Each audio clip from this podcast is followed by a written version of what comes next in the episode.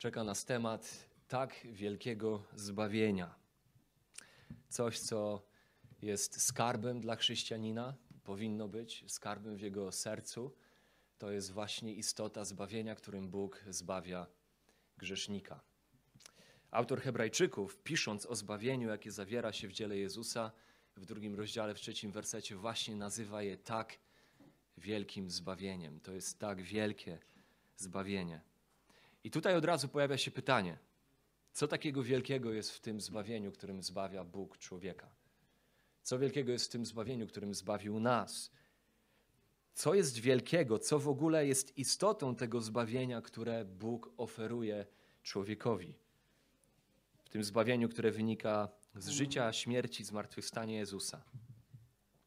Dalej, co jako chrześcijanie mamy na myśli, kiedy mówimy o zbawieniu? Kiedy pytamy o to, czy ktoś jest zbawiony? Kiedy modlimy się o czyjeś zbawienie? Kiedy mówimy o tym, że człowiek potrzebuje zbawienia? Cóż wielkiego jest w tym zbawieniu, jakim zbawia Bóg? O co tak naprawdę chodzi? Jaka jest natura tego zbawienia? Co się dzieje? Czy to jest bilet do nieba? Czy mamy na myśli głównie to, że potrzebujesz zbawienia, bo potrzebujesz iść do nieba? Czy mamy na myśli to, że Bóg przebacza grzechy grzesznikom? Czy mamy na myśli to, że zmienia życie? Czy mamy na myśli to, że przez zbawienie mamy możliwość poznania Boga? Oczywiście każda z tych rzeczy zawiera się w zbawieniu, ale każda z tych rzeczy w pewien sposób wynika z jednej kluczowej prawdy, z jednej istotnej prawdy. Każda z tych rzeczy, życie wieczne w niebie, przebaczenie grzechów, poznanie Boga, przemiana życia. Każda z tych rzeczy jest możliwa z powodu jednej kluczowej rzeczy, która zawiera się w istocie zbawienia. I chciałbym, żebyśmy spojrzeli dziś na Efezjan, pierwszy rozdział od wersetu 19.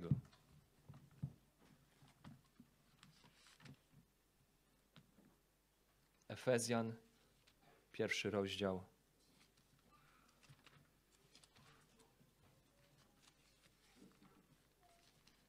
Zaczniemy od wersetu 19, czytając do rozdziału drugiego, wersetu 7. Kontekst 19 wersetu jest taki, że Paweł modli się o wierzących w Efezie, żeby Bóg otworzył oczy ich serc, tak by oni jeszcze lepiej mogli rozumieć pewne prawdy, pojąć, uchwycić się tych prawd jeszcze bardziej, jeszcze mocniej. Jedną z nich jest właśnie werset 19, to, by zrozumieli, jak nadzwyczajna jest wielkość mocy Jego wobec nas, którzy wierzymy dzięki działaniu przemożnej siły Jego.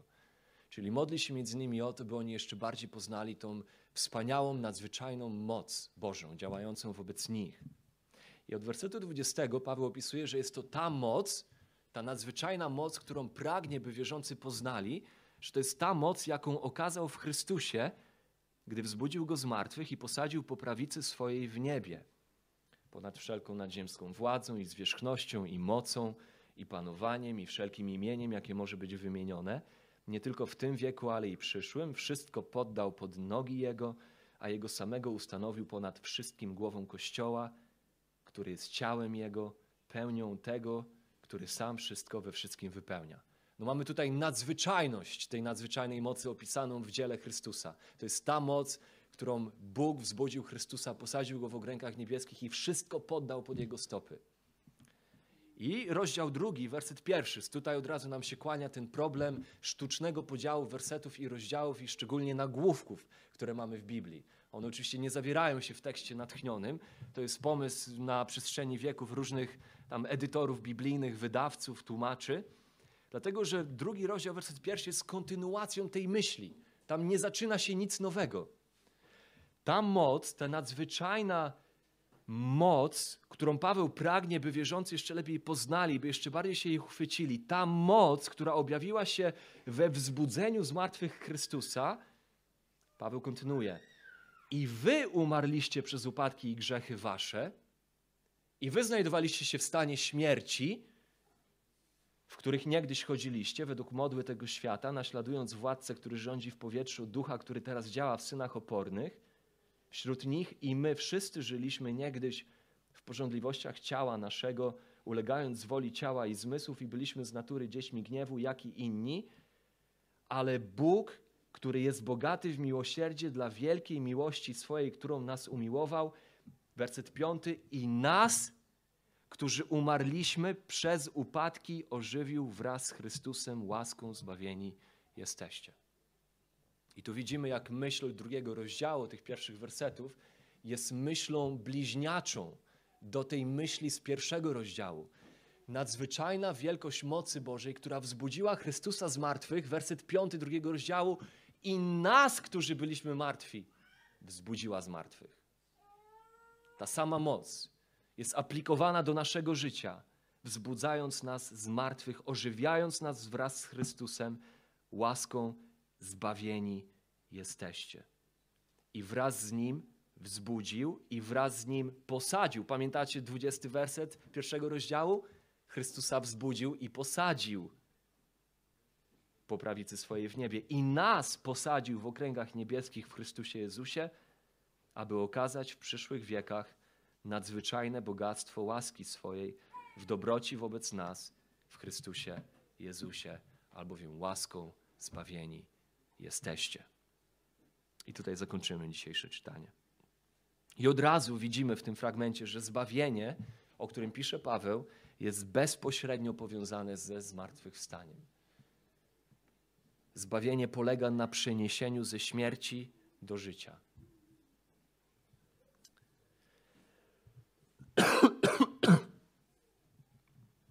Widzimy tutaj bardzo wyraźnie w drugim rozdziale, że ta sama moc, która wzbudza Chrystusa z martwych w rozdziale pierwszym, jest mocą, która jest zaaplikowana do człowieka. Człowieka, który właśnie będąc zbawionym, przechodzi ze śmierci do życia. Bóg martwych wzbudza do życia. Paweł, zwracając się do wtedy, kiedy pisze do Efezjan, to wtedy już obecnie wierzących Efezjan, czy na ten moment, kiedy pisze już wierzący, to są Efezjanie, i zwraca się do nich jako do tych, którzy także raz byli martwi. Widzimy to w pierwszych trzech wersetach, szczególnie w pierwszym wersecie. Wy umarliście przez upadki. To są ci, którzy raz byli martwi, a teraz wraz z Chrystusem zostali ożywieni. I to ożywienie, widzimy w wersecie piątym, nazywa zbawieniem. Wzbudził wraz z Chrystusem łaską zbawieni jesteście. Zostali zbawieni, czyli innymi słowy, zostali wzbudzeni do życia. Zauważmy, jak ten fragment wyraźnie nas uczy, że każdy znajduje się w jednym z dwóch stanów. Albo w stanie śmierci, albo w stanie życia i nie ma nic pośrodku, nie ma nic pomiędzy. Mamy na świecie tych, którzy są martwi, choć oczywiście fizycznie żyją, i mamy tych, których Bóg ożywił. Inaczej, bez Bożej interwencji, też pozostaliby w gronie tych, którzy są martwi. Na koniec wersetu trzeciego widzimy, że zanim Bóg ożywi człowieka, zanim Bóg interweniuje, zainterweniuje nadzwyczajną wielkością mocy swojej, to widzimy, że ten stan śmierci dotyczy wszystkich. Tam jest taki zwrot, jak i inni. To było prawdziwe na wasz temat, jak jest prawdziwe na temat też wszystkich innych, jak i innych. Ten stan duchowej martwoty jest stanem powszechnym. On dotyczy każdego bez wyjątku. I to jest istotny problem. To jest tak naprawdę najistotniejszy problem, od którego potrzeba nam ratunku i zbawienia.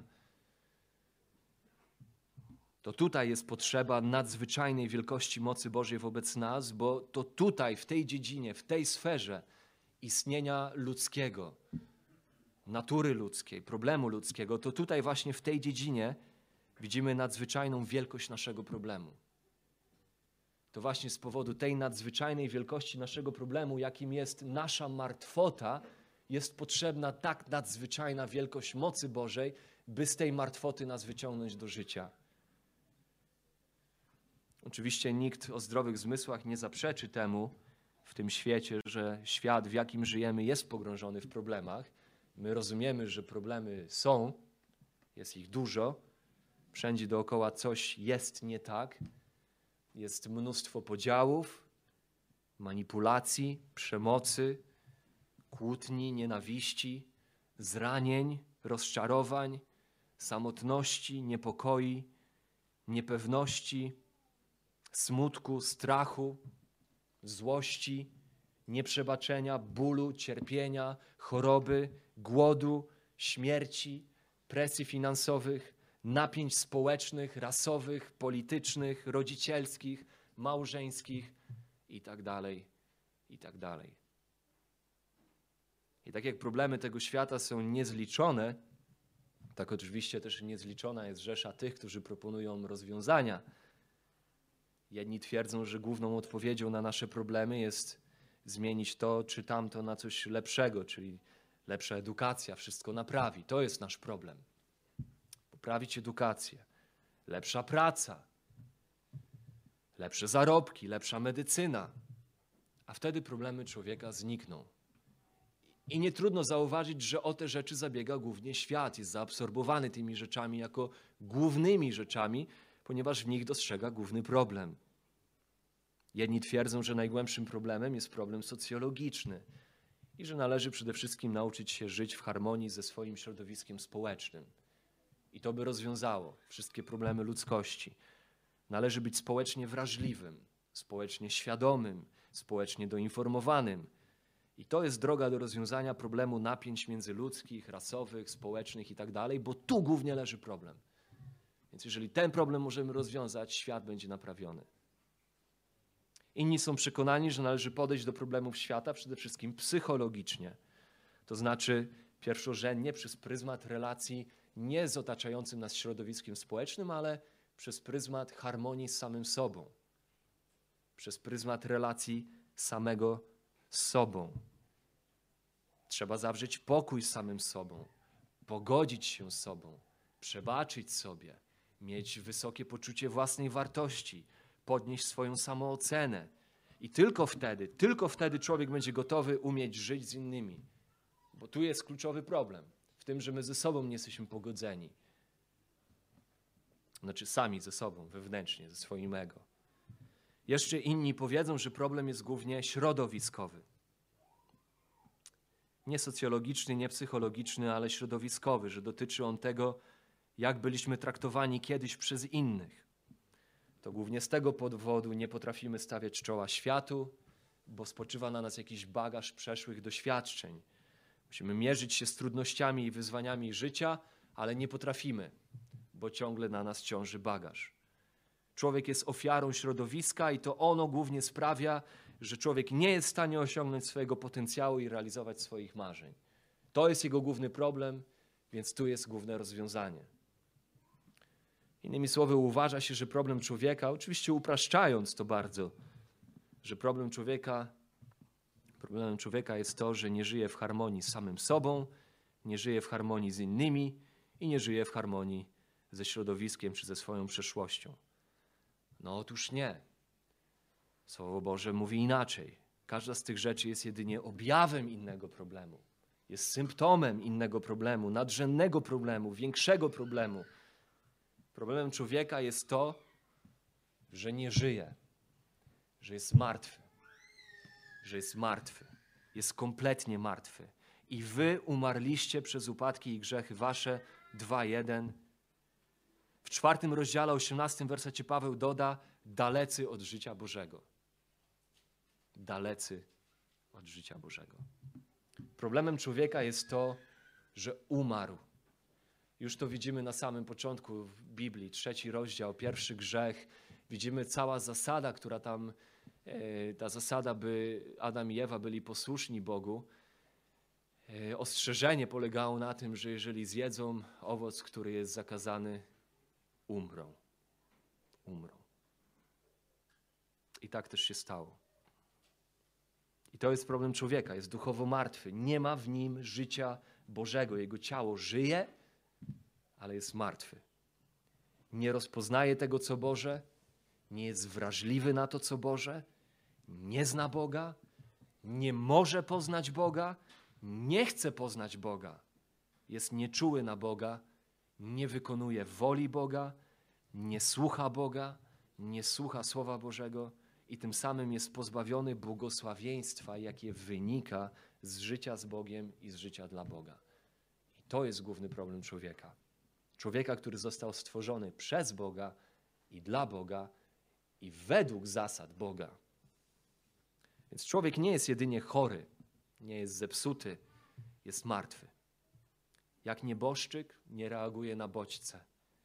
Nie jest zainteresowany prawdziwym Bogiem, żyje tak, jakby Bóg nie istniał, albo w najlepszym wypadku tworzy sobie bożków, tworzy sobie bożka na swój obraz i podobieństwo.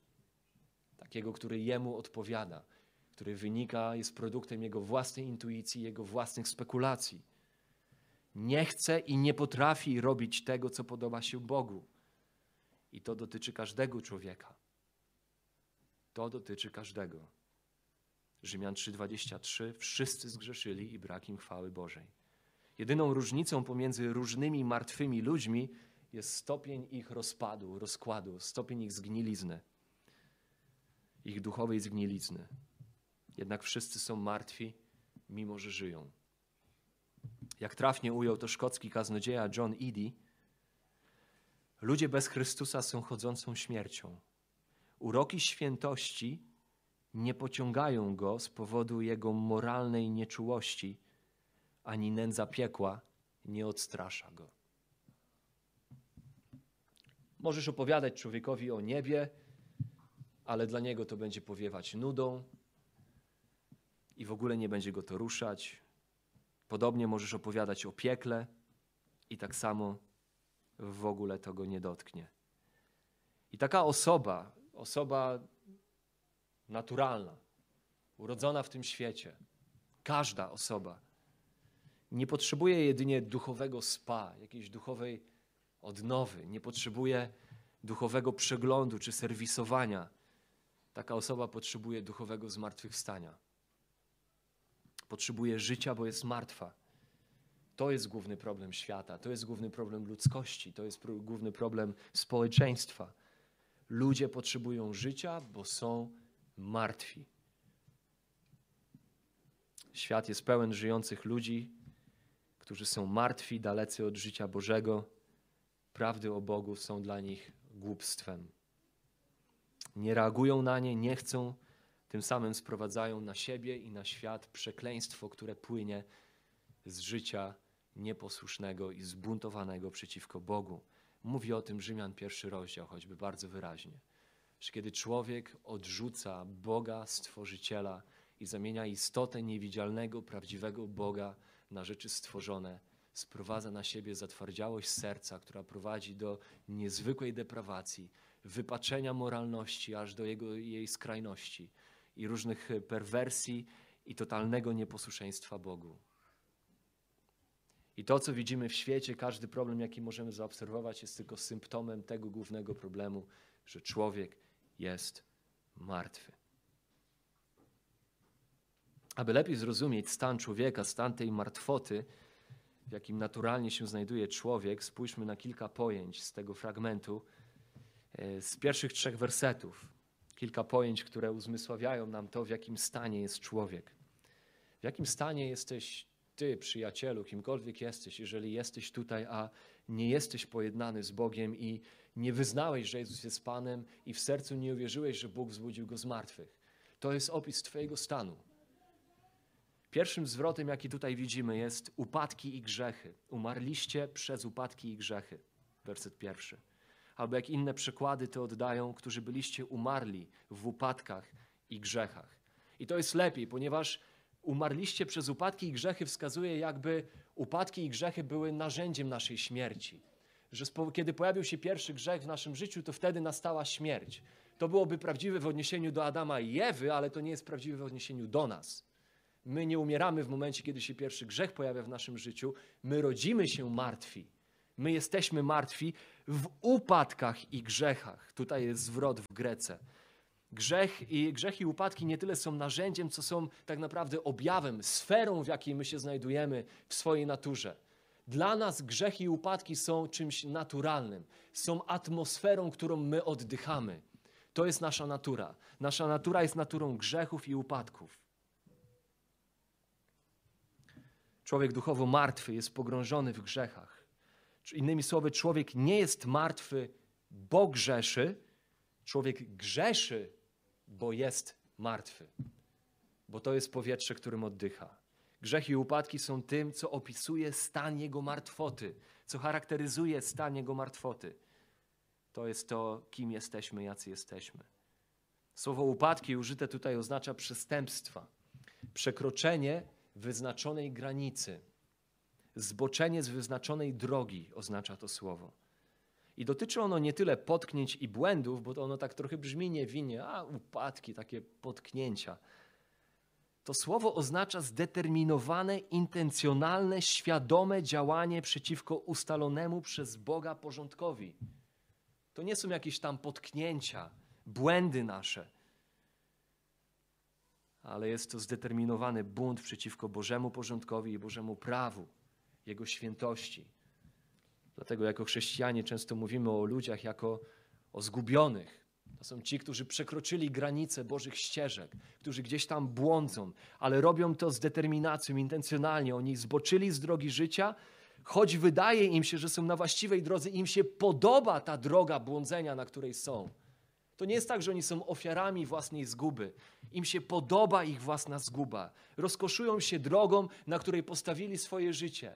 Uważają, że są mądrzy, że są w stanie rozsądzić, co jest właściwym kierunkiem życia i się rozkoszują swoją własną mądrością i obranym przez siebie celem i kierunkiem swojego życia.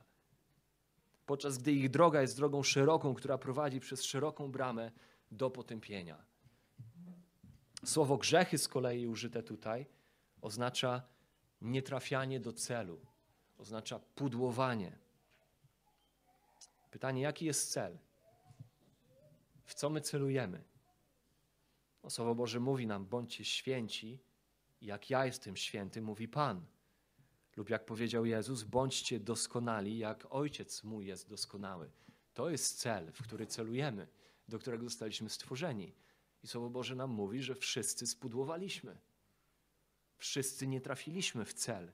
Wszyscy pudłują. Bożym standardem jest Jego doskonałość, Jego prawość, Jego sprawiedliwość i nikt w ten cel nie trafia. Bez względu na to, jakby siebie określał według standardów ludzkich, standardem nas określającym jest doskonałość Bożej świętości.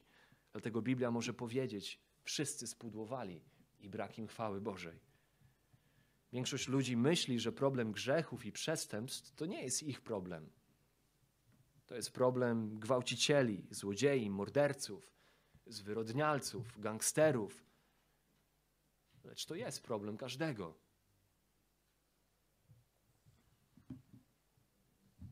Tutaj się okazuje, że grzech nie odnosi się jedynie do tego, co robisz jako człowiek, ale odnosi się do tego, czego nie robisz, nie chcesz robić, a nawet nie potrafisz robić.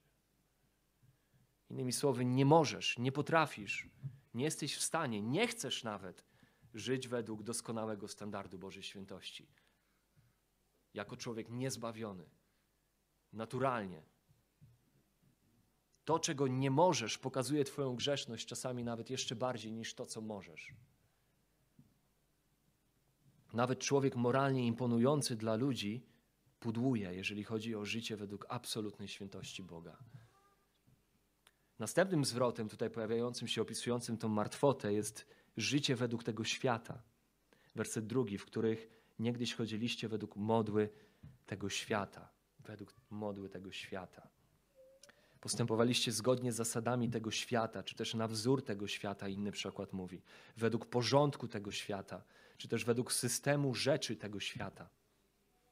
Znaczenie tego zwrotu z kolei jest takie, że człowiek martwy duchowo kształtuje siebie i swoje życie, cały jego porządek i kierunek według rzeczy tego świata, a nie według rzeczy Boga. To jest ten zwrot, on to oznacza. Kiedy Paweł pisze tutaj o świecie, to pisze o systemie, pisze o pewnym porządku, o pewnym ładzie. Używa słowa kosmos. Słowo kosmos w swym znaczeniu jest przeciwieństwem słowa chaos, przeciwieństwem słowa nieład, nieporządek.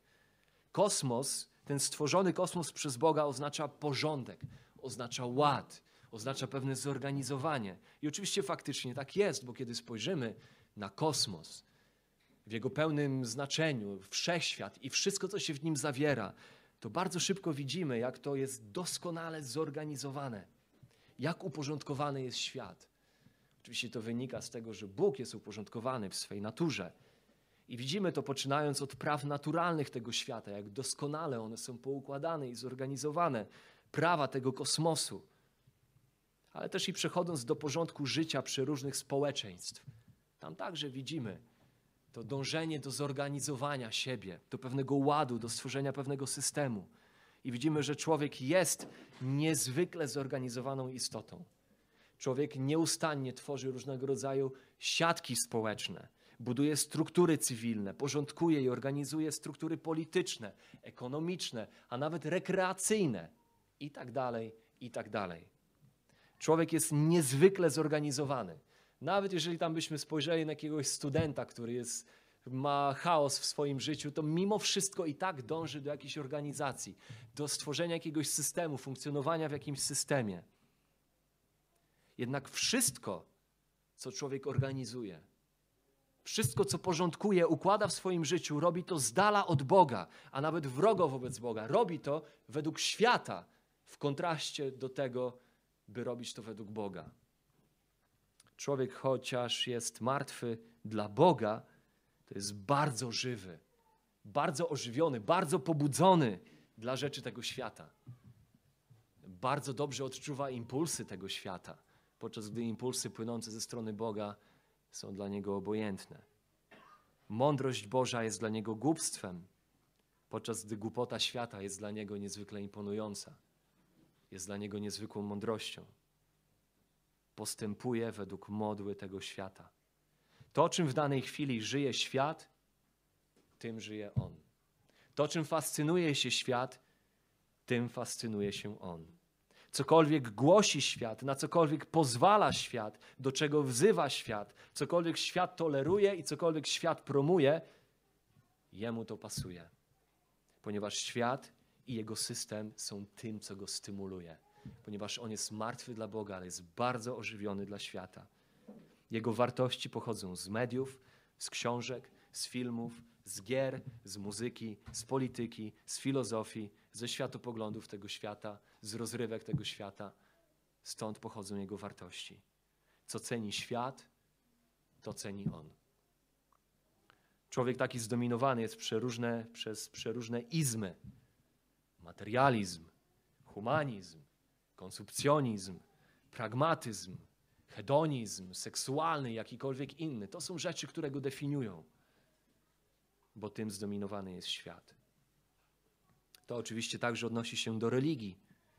Człowiek, mając w swej naturze zawartą niematerialną cząstkę, mając, jak mówi słowo, wieczność włożoną w swoje serce, pociągany jest przez przeróżne religie tego świata. One pociągają go wobec tych religii, odczuwa ich bodźce, te impulsy płynące z tych religii tego świata. Bardzo często te religie są bardzo wyrafinowane, wysoce zorganizowane, bardzo imponujące, lecz one są ludzkie, światowe, fałszywe, zgubne. Ale one są dokładnie tymi religiami, które pociągają człowieka, który jest martwy. Trzecim pojęciem, jakie opisuje nam stan martwoty człowieka, to władca, który rządzi w powietrzu.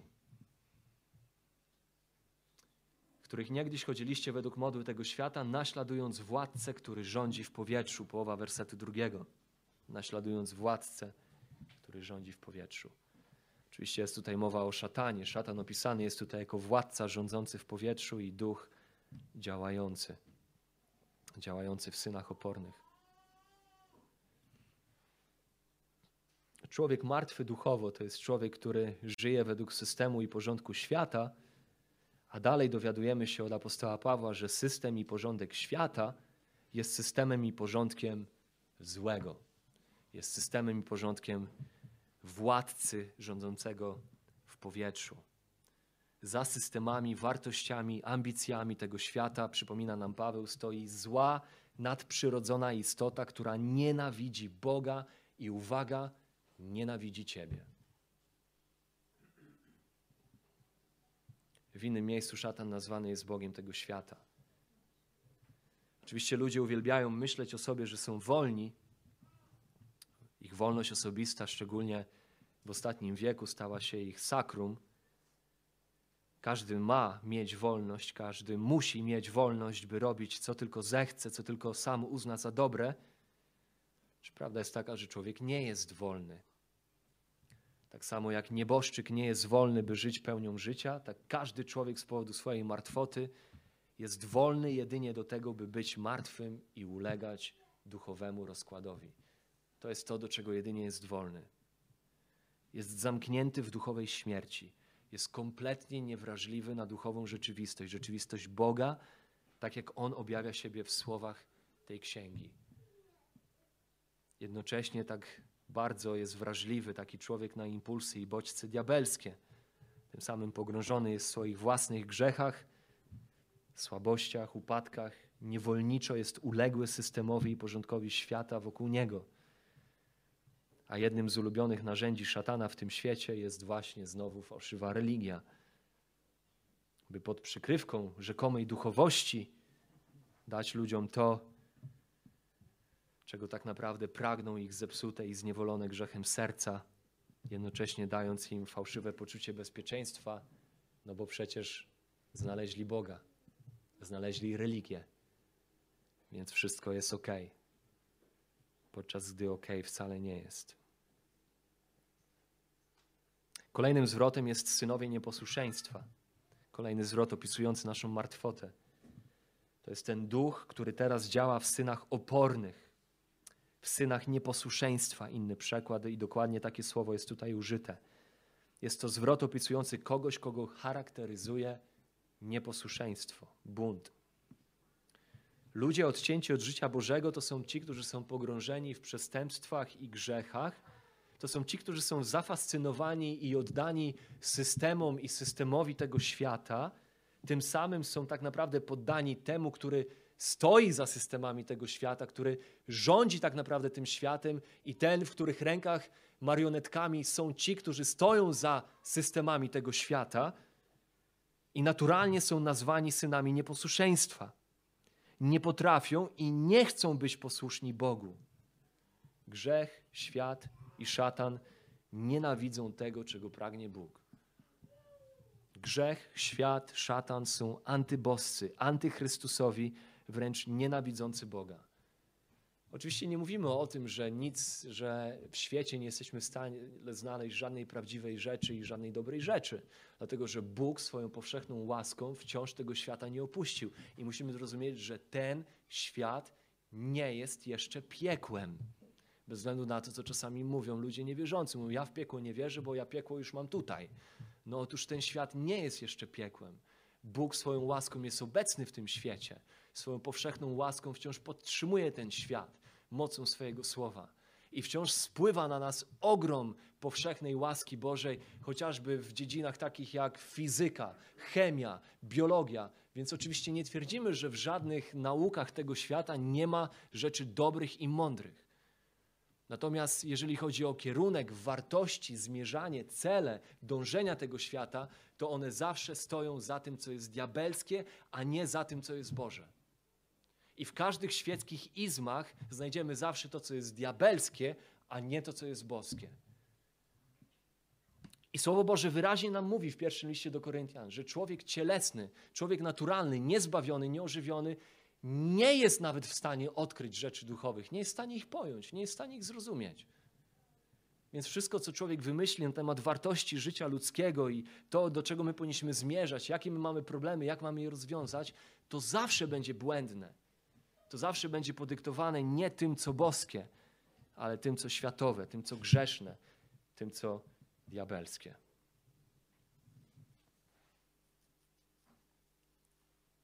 W każdym razie tutaj mamy słowo synowie nieposłuszeństwa. Celem ludzi martwych jest nieposłuszeństwo jest wpadanie w coraz większą zatwardziałość i zepsucie, a nawet nienawiść do Boga i tego, co boskie. Taki jest stan martwoty człowieka. Pogrążanie się głębiej i głębiej w grzesznym, światowym, diabelskim pożądaniu rzeczy nieboskich. Wśród nich i my wszyscy żyliśmy niegdyś w porządliwościach ciała naszego, ulegając woli ciała i zmysłów, dodaje Paweł. To jest natura człowieka. Ulegać tym właśnie rzeczom. I mamy tutaj piątą frazę: pożądanie.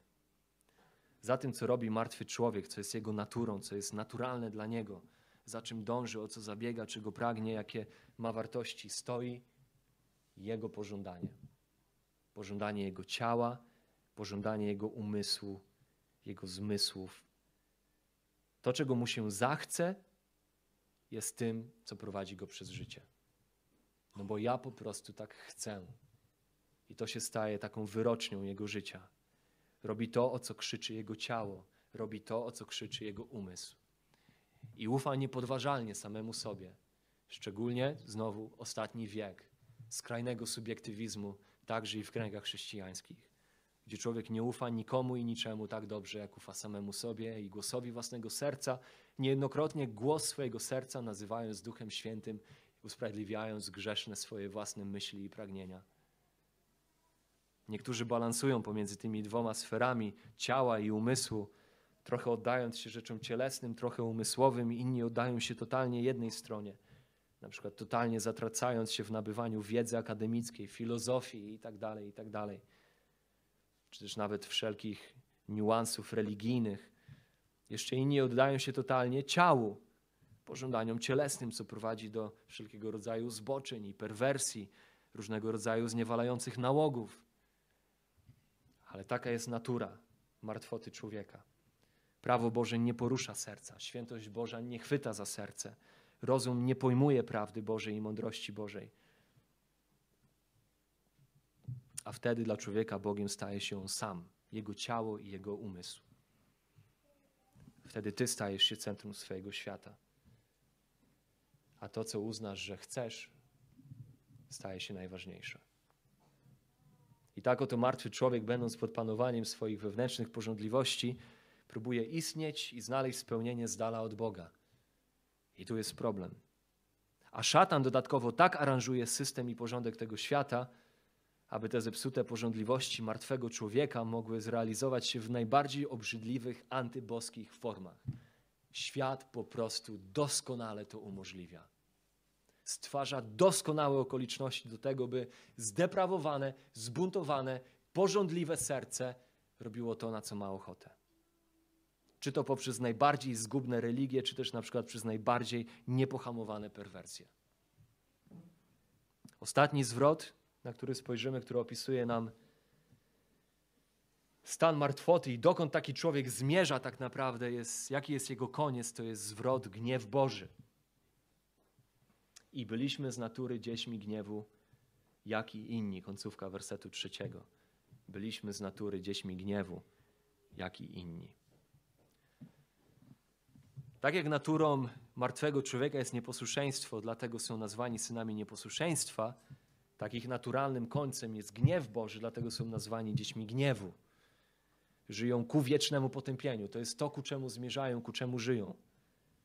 Dlatego możemy powiedzieć o nich, że choć żyją, to są martwi.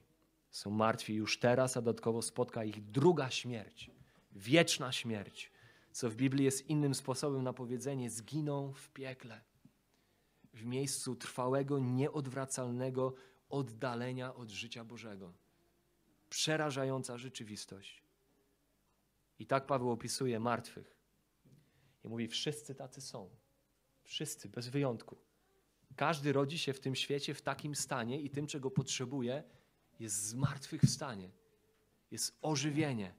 I tak oto dochodzimy do przespaniałej prawdy wersetu czwartego. Ale Bóg, ale Bóg w tej beznadziejności waszego stanu, Bóg bogaty w miłosierdzie, dla wielkiej miłości swojej, którą nas umiłował, nas, którzy umarliśmy, byliśmy martwi, byliśmy w tym stanie, ożywił wraz z Chrystusem. I to jest łaska, którą jesteście zbawieni. To jest wasze zbawienie. To zmartwychwzbudzenie, to zmartwychwstanie. I kiedy zrozumiemy stan człowieka, to oczywistym staje się to, że nic nie możemy zrobić dla swojego własnego ratunku. Tak jak martwy nie może przywrócić siebie do życia, zainterweniować musi Bóg, który jest bogaty w miłosierdzie i dla wielkiej miłości swojej zbawił nas. Bóg dokonuje dokładnie to, czego potrzebujemy. Oto martwi mogą powstać do życia. Oto przesłanie zmartwychwstania Jezusa Chrystusa. Ta moc widoczna w Jego zmartwychwstaniu jest tym, co potem przelewa się na nas, to jest aplikowane do nas. Martwi duchowo mogą być zbudzeni do życia. Widzimy to dwukrotnie, werset piąty i szósty. On ożywił nas, On wzbudził nas. Na tym polega zbawienie. To jest istota zbawienia. Że Bóg z martwych czyni nas żywymi. Przenosi ze śmierci do życia. To jest to, czego Bóg dokonuje na podstawie dzieła swojego Syna, Jego życia, śmierci i zmartwychwstania. Dokonuje tego w wyniku swojego wielkiego miłosierdzia, pisze Paweł. Miłosierdzie oznacza, że nie otrzymujemy tego, na co zasłużyliśmy. To jest znaczenie miłosierdzia. Dostajemy to, na co nie zasłużyliśmy, czy inaczej nie otrzymujemy tego, na co zasłużyliśmy. Czasami słyszy się takie stwierdzenie, że Bóg jest nie fair wobec tego świata, że niesprawiedliwie postępuje. No, otóż, jeżeli Bóg miałby zachować się fair, to ten świat już dawno musiałby zniszczyć w wyniku swojej doskonałej świętości i sprawiedliwości. Otóż Bóg nie daje nam tego, na co zasłużyliśmy. My, zasługując na gniew, będąc dziećmi gniewu, otrzymujemy Jego miłosierdzie. Otrzymujemy zbawienie, otrzymujemy życie. Zasłużyliśmy na Boży gniew, sąd, potępienie, jako martwi w swoich grzechach, a w zamian otrzymaliśmy życie. Zmierzaliśmy wprost przed potępienie, szeroką drogą, ale Bóg wkroczył, zainterweniował i okazał miłosierdzie i łaskę. Pytanie, dlaczego to zrobił? No otóż nie dlatego, że znalazł w nas coś atrakcyjnego i pociągającego, bo pierwsze trzy wersety bardzo wyraźnie pokazują, że nic takiego w nas nie ma, nie było. Wręcz odwrotnie. Jak w księdze Habakuka czytamy 1:13, Twoje oczy są zbyt czyste. Habakuka 1:13. Twoje oczy są zbyt czyste, aby mogły patrzeć na zło. Nie możesz spoglądać na bezprawie. Bóg widzi grzech i nienawidzi grzechu. I co więcej, Bóg nienawidzi grzesznika. Powiedzenie, że Bóg nienawidzi grzechu, ale kocha grzesznika, no nie ma nic bardziej błędnego. Bóg widzi grzech i widzi grzesznika, który ten grzech dokonuje i nienawidzi grzesznika. Bóg codziennie gniewa się na grzeszników. Psalm 5, werset 6. Ty nienawidzisz wszystkich czyjących nieprawość. To nie jest tak, że Bóg znajduje w nas coś atrakcyjnego i w reakcji na to decyduje się nas ratować. Nie, Bóg przychodzi do grzeszników z powodu swojego miłosierdzia i swojej łaski, które uwalniają nas od sądu, dają nam przebaczenie i dają nam życie. Dlaczego? Werset czwarty, bo to robi dla wielkiej miłości swojej, którą nas umiłował. To jest powód. Robi to, bo kocha, bo jest miłością, taka jest jego natura. On ratuje i robi to najwyższym dla siebie kosztem kosztem własnego syna, własnego życia. Kiedy byliśmy grzesznikami, Chrystus za nas umarł. Rzymian 5:8. Ojciec, Syn i Duch Święty wspólnie zamyślają i realizują plan ratunku martwych grzeszników. Plan, który uwzględniał to, iż Chrystus musi ponieść karę w ich miejsce, dając swoje życie za nich. Co więcej, nie pozostaje w grobie, ale sam powstaje z martwych, aby w nim nie tylko nasze grzechy były przybaczone, ale byśmy w nim mogli być wzbudzeni, ożywieni. Więc zbawienie zawarte w Ewangelii oznacza duchowe zmartwychwstanie. I kiedy to rozumiemy, nagle zaczyna się wyłaniać ten obraz tego, że kiedy patrzymy na siebie, na nas jako na chrześcijan, że patrzymy na coś, co jest radykalną zmianą. To nie jest kwestia podniesienia ręki na jakiejś akcji ewangelizacyjnej, to nie jest kwestia przywoływania wspomnień do wypowiedzianej modlitwy, którą gdzieś tam kiedyś wypowiedziałem. To jest kwestia radykalnej przemiany życia. To jest przeniesienie ze śmierci do życia. I nawet kiedy myślimy o nieutracalności zbawienia, to nieutracalność zbawienia jest bezpośrednio zawarta w naszym zrozumieniu natury tego zbawienia. Bo jeżeli zbawienie nie jest jedynie jakąś naszą decyzją pójścia za Jezusem, a jeżeli zbawienie jest Jego decyzją o ożywieniu tych, którzy są martwi, to my nie mamy z tym nic wspólnego od początku do końca. To nie jest kwestia odstania się czegoś, co się stało. To jest kwestia nieodwracalnej, radykalnej zmiany natury tego, który był martwy, a teraz żyje. To jest istota zbawienia, którym Bóg zbawia grzeszników. Duchowe przebudzenie, które oznacza, że nagle grzesznik staje się wrażliwy, czuły na Boga. To znaczy, że jego życie już nie może pozostać takie, jak było kiedyś, bo jego zmysły nagle są pobudzone na rzeczy Boże. Nagle nabiera możliwości, by Boga poznawać, by rozumieć prawdy o Bogu, by słuchać Boga, by pragnąć Boga, by służyć Bogu, by żyć w relacji z Bogiem, by być błogosławionym i przemienianym przez Boga na obraz człowieka, jakim zawsze powinien był być, do jakiego został stworzony. Nagle to się staje możliwe dzięki temu, że był martwy, a Bóg go ożywił. Życie wieczne, zbawienie to więc nie tylko długość życia, to nie tylko to, że my idziemy do nieba, ale to jest jakość życia. To jest życie poznające Boga, znające Boga. I to jest to, czego potrzebuje ten świat pierwszorzędnie. Tego potrzebuje społeczeństwo i każdy wymiar tego społeczeństwa. My nie potrzebujemy pierwszorzędnie lepszych szkół, lepszych psychoanaliz i badań, umiejętności, by nazywać swoje emocje i godzić się z nimi. Nie potrzebujemy pierwszorzędnie, powierzchownie lepszych relacji z ludźmi wokół czy rodziną. Pierwszorzędnie człowiek potrzebuje przejść ze śmierci do życia.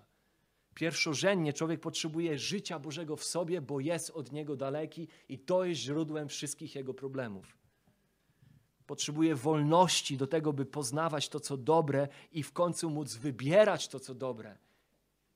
I nie być już ofiarą swoich własnych porządliwości.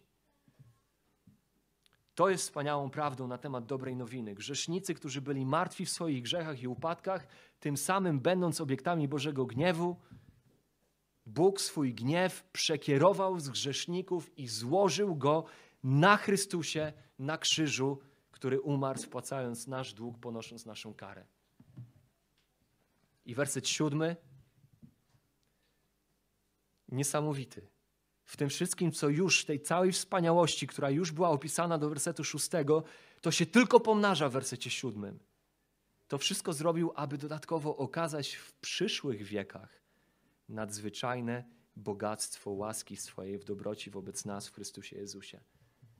Ta nadzwyczajna wielkość mocy Jego prowadzi do tego, że On w przyszłych wiekach okaże jeszcze nadzwyczajne bogactwo swojej łaski wobec nas, że tak naprawdę to jest tylko wstęp do tego, co Bóg ma dla tych, których ożywił, aby wieczność spędzili w Jego obecności. Więc kończąc, świat tonie, można powiedzieć, jak Titanic. Jego koniec jest nieunikniony. Jego los jest przesądzony.